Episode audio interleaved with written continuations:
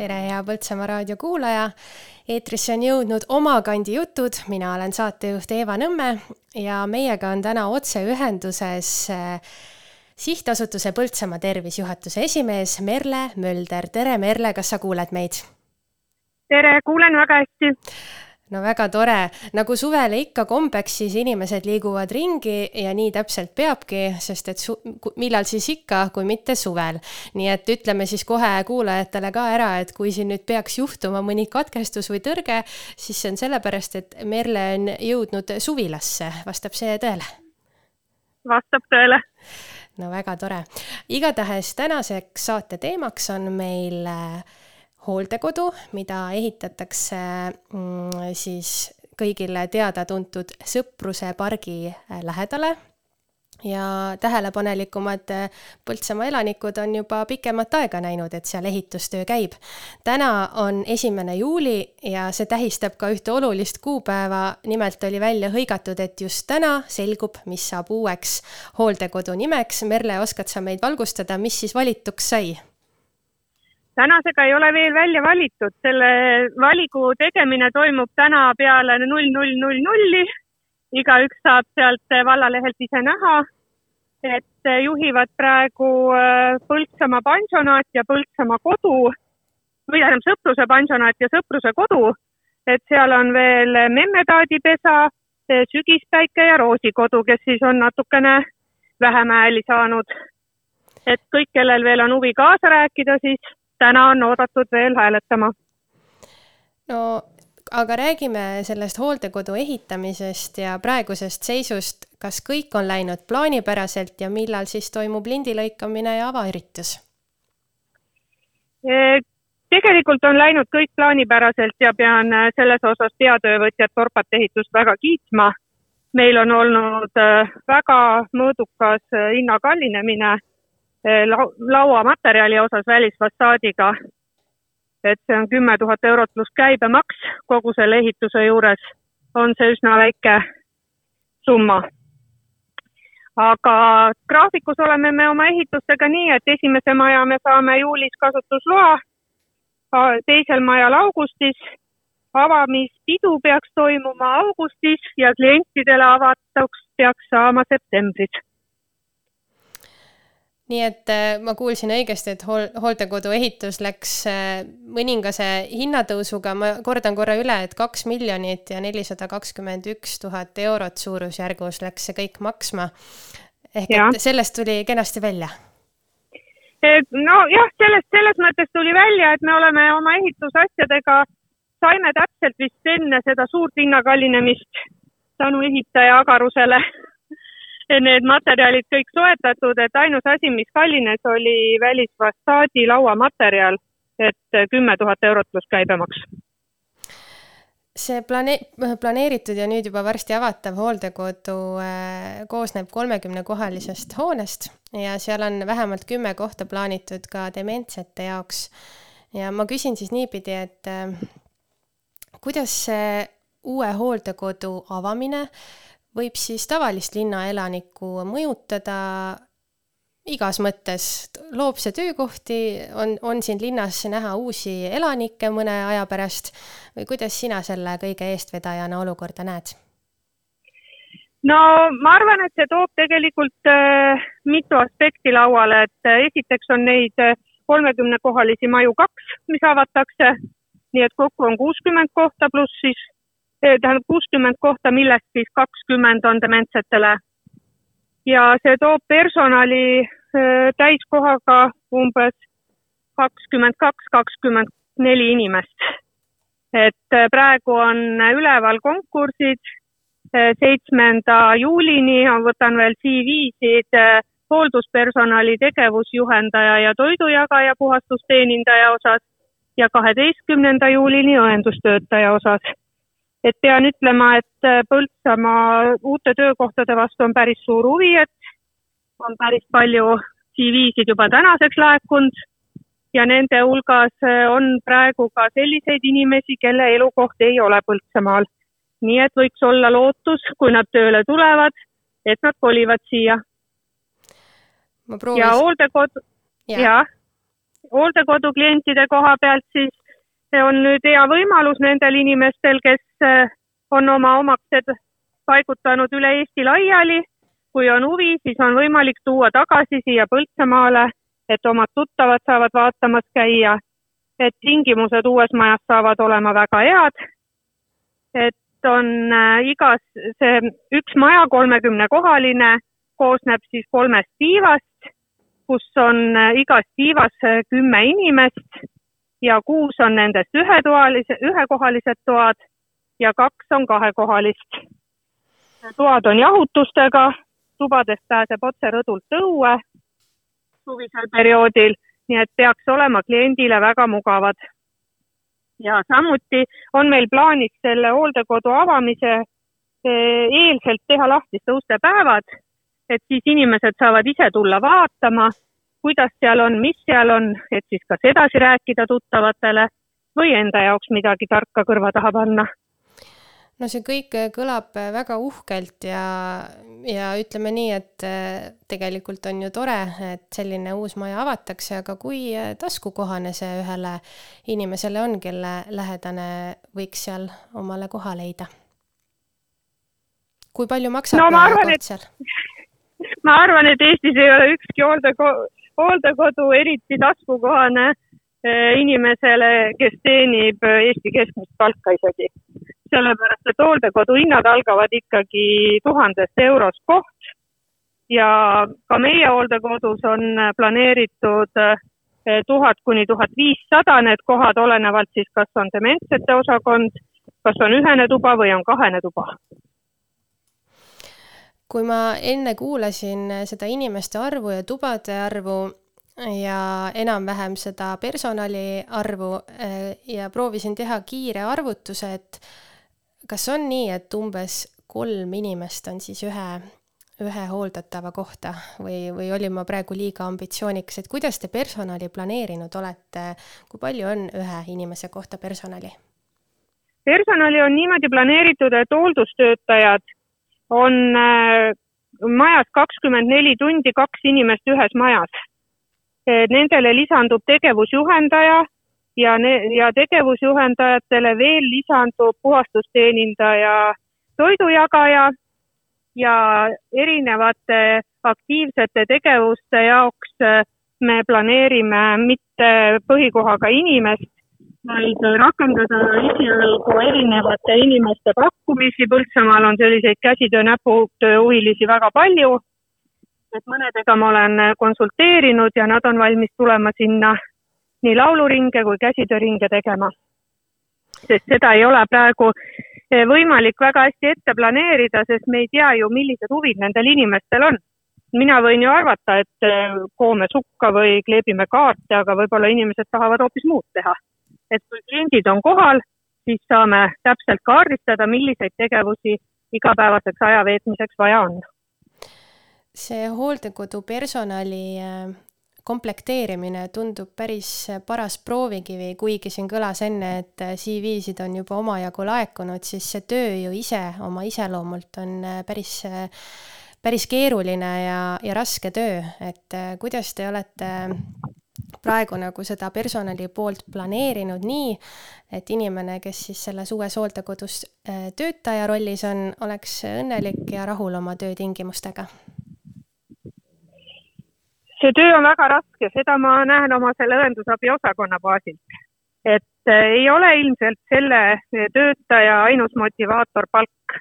see on ikka suur süda, mis seda tööd paneb tegema. et äh, meie omalt poolt pakume ikkagi kolmkümmend viis päeva puhkust, mis äh, on natukene rohkem kui tavalise töölepinguga töötaval inimesel ja kuna see on sihtasutus Põltsamaa Tervise osa ehk rakuke, siis me ikkagi lähtume Eesti meditsiinitöötajate palgakokkuleppe tingimustest, et ka meie hooldustöötajad ei teeni alla selle eh, Eestis kehtestatud palgakokkuleppe, mis sisaldab siis öötundidel kolmkümmend protsenti lisatasu, nädalavahetuse päevastel tundidel kümme protsenti lisatasu tunnindele. ja sellised, need garantiid on meie poolt kõik tagatud samas on ruumid väga mõnusad, vahendid on uued, uude hooldekodusse tulevad kõik funktsionaalsed voodid, et personalil oleks lihtsam ka voodipesu vahetada, sest kõige suurem väärtus on ikkagi personal siin nüüd kõlasid protsendid, aga kui niimoodi tavalisele inimesele puust ja punaseks, et kui palju siis saab üks hooldekodu töötaja palka? Hooldekodu töötaja saab äh, üheksasada kuni tuhat eurot äh, kätte palka. see on netopalk hooldajal. ja on seal mingid lisa sellised tingimused, on äh, puhkepäevi rohkem vahel või on kuidagi võimalik boonuseid teenida, kuidas sellega on?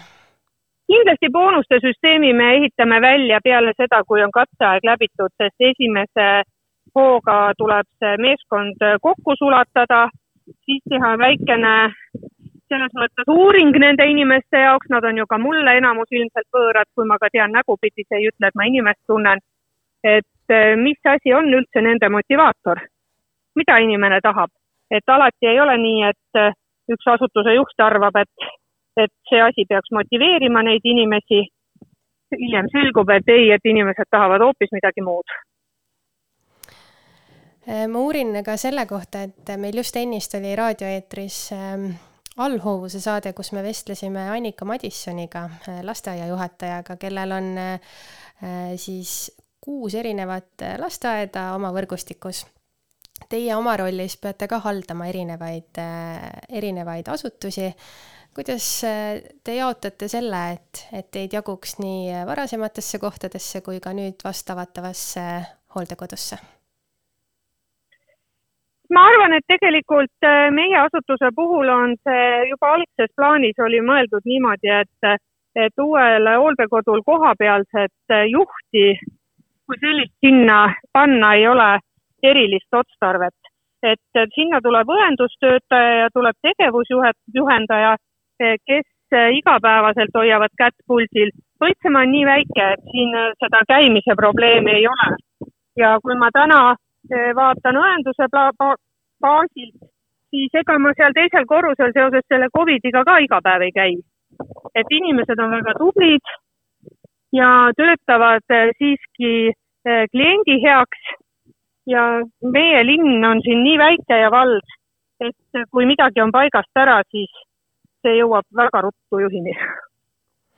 et lihtsalt eh, tuleb hoida silmad-kõrvad lahti ja käia majas ja, ja rääkida inimestega ja ja usaldada oma inimesi. me kuulame nüüd siia intervjuu vahepeale ühe muusikapala ja siis jätkame juba edasi aruteluga Põltsamaa uuest hooldekodust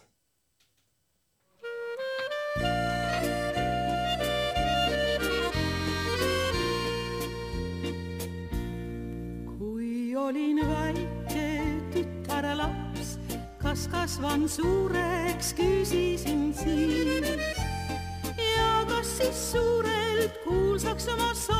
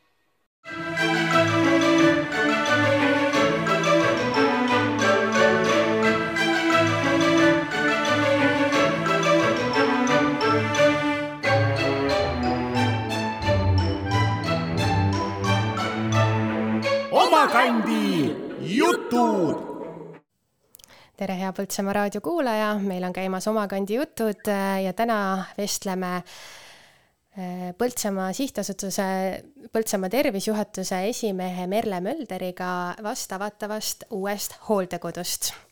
Ja kui me enne jõudsime rääkida sellest, kuidas on plaanipäraselt kulgenud äh, hooldekodu ehitus ja milline see maja siis ikkagi korralduselt olema saab, siis äh, räägime natukene üleüldiselt äh, Põltsamaa linnast ja selle kuvandist.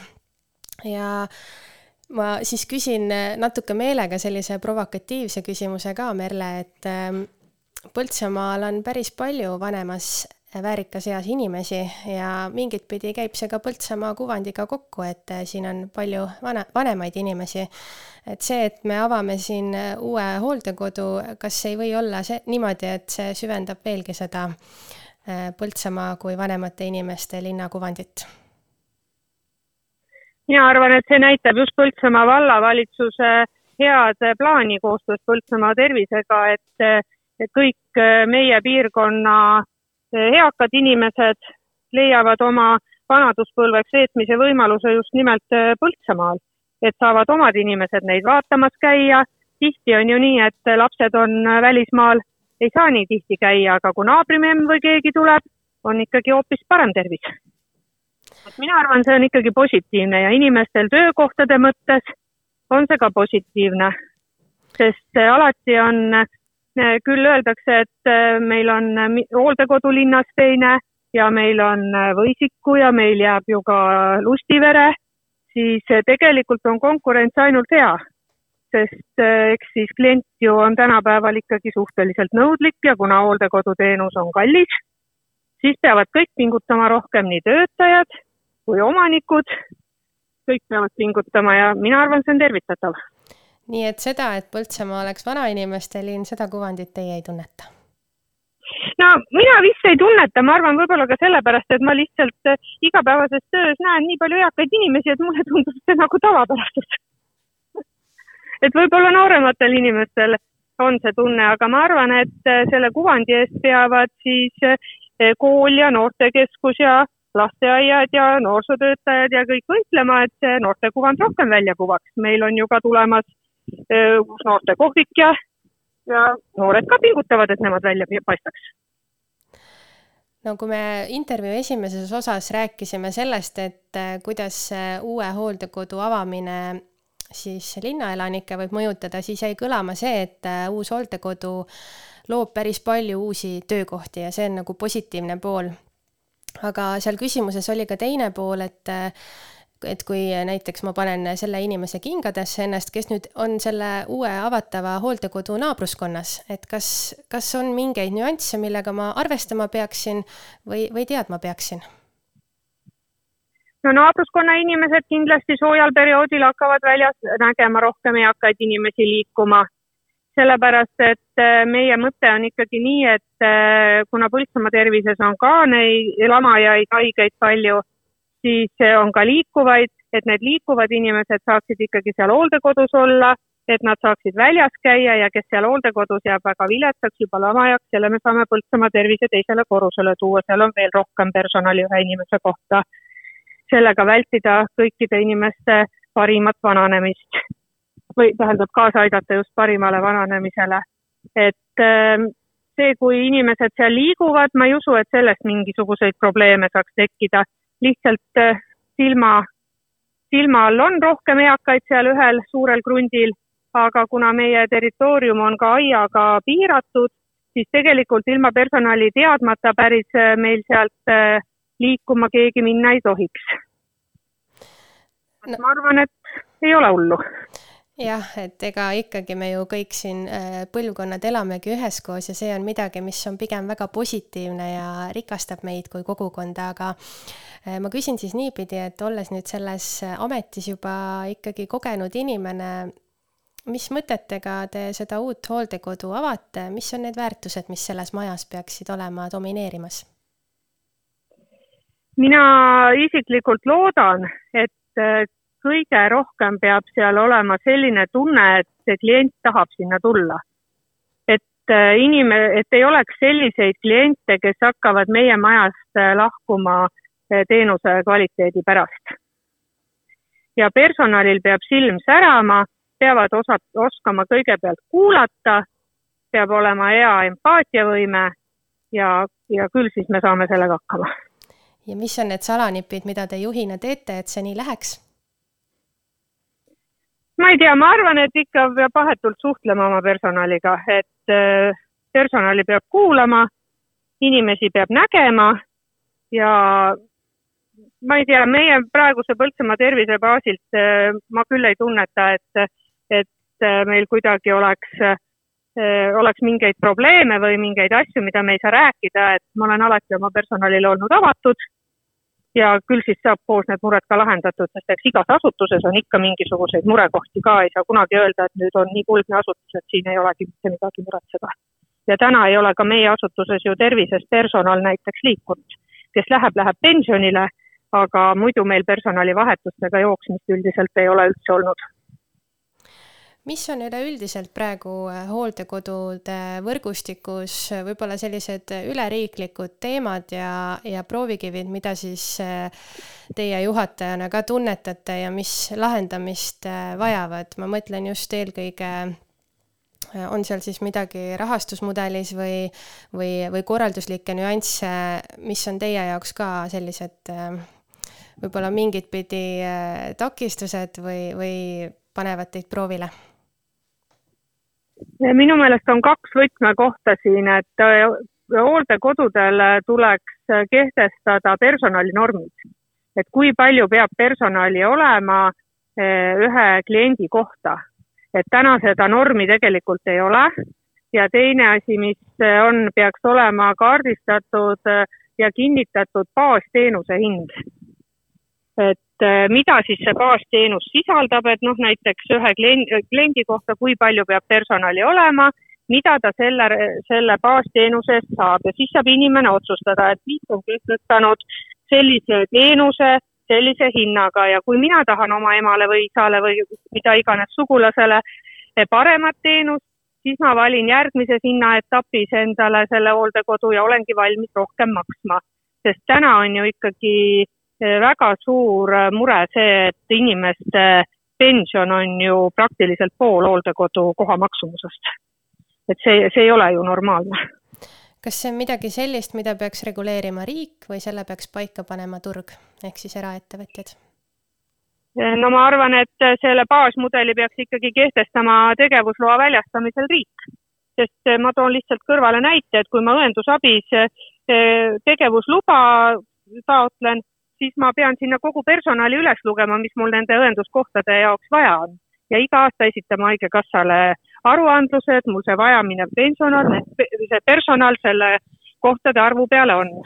et täna on nii, et, et ega siis erahooldekodus, ma ei taha midagi nende kohta halvasti öelda, aga ega see mudel on ikkagi ärimudel. et ega ükski omanik ei tee ju seda hooldekodu sellepärast, et mina saaks sinna oma omakest viia, et see on ikkagi ärimudel kui... personal on kõige suurem kulu ju ühes asutuses. just, kui meil on nüüd olnud kuulajaid, kes on seda vestlust äh, vestlust kuulates hakanud mõtlema, et äh, tahaks tulla avatud uste päevale ja tahaks rohkem selle kohta teada saada, siis äh, kust tuleks vaadata või kellega suhelda? me paneme üles selle reklaami niimoodi, et ta on eelnevalt Põltsamaa lehes et ta on äh, Põltsamaa valla lehel, Põltsamaa valla Facebooki lehel, Põltsamaa terviselehel ja kuulutame selle välja, sest see sõltub nüüd sellest, kuidas me kasutusloa saame, et täna seda kuupäeva ma ei saa veel ette hõigata.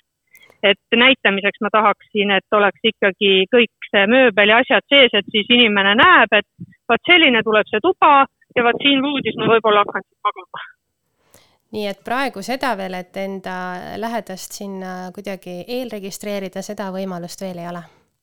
eelregistreerida minu asutuse meilil saab, ma olen avanud nimekirja küll, panen juba kirja inimesi, kes on kindlad soovijad tulema. et äh, selles mõttes ei tee takistust, aga kui inimene tahab enne näha, kuhu ta tuleb või toob oma lähedase, siis peaks natukene veel kannatama. kui palju neid on juba, kes on andnud märku, et nende soov on kindel? Kümmekond inimest on seal nimekirjas juba ootel. Nii et kohti veel jagub, aga päris äh, intervjuu lõpetuseks ma uurin siis seda ka, et äh, mis on nüüd veel see nii-öelda soov, mida tahaks äh, soovida vast valmivale hooldekodule, et see tee saaks võimalikult sile ja hea? et kõige tähtsam on tore klient ja särasilmne personal ja muidugi mõistvad omaksed sest kunagi ei saa ehitada lootusi eh, selliseid, mis on teostamatud. tihtilugu me ikkagi oma inimesele tahame ka võimatut.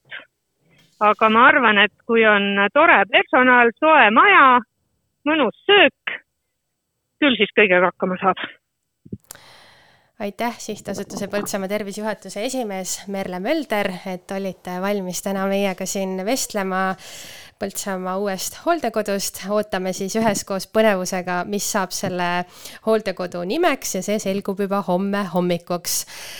aitäh veel kord ja kuulake ikka Põltsamaa raadiot. tänud, kõike head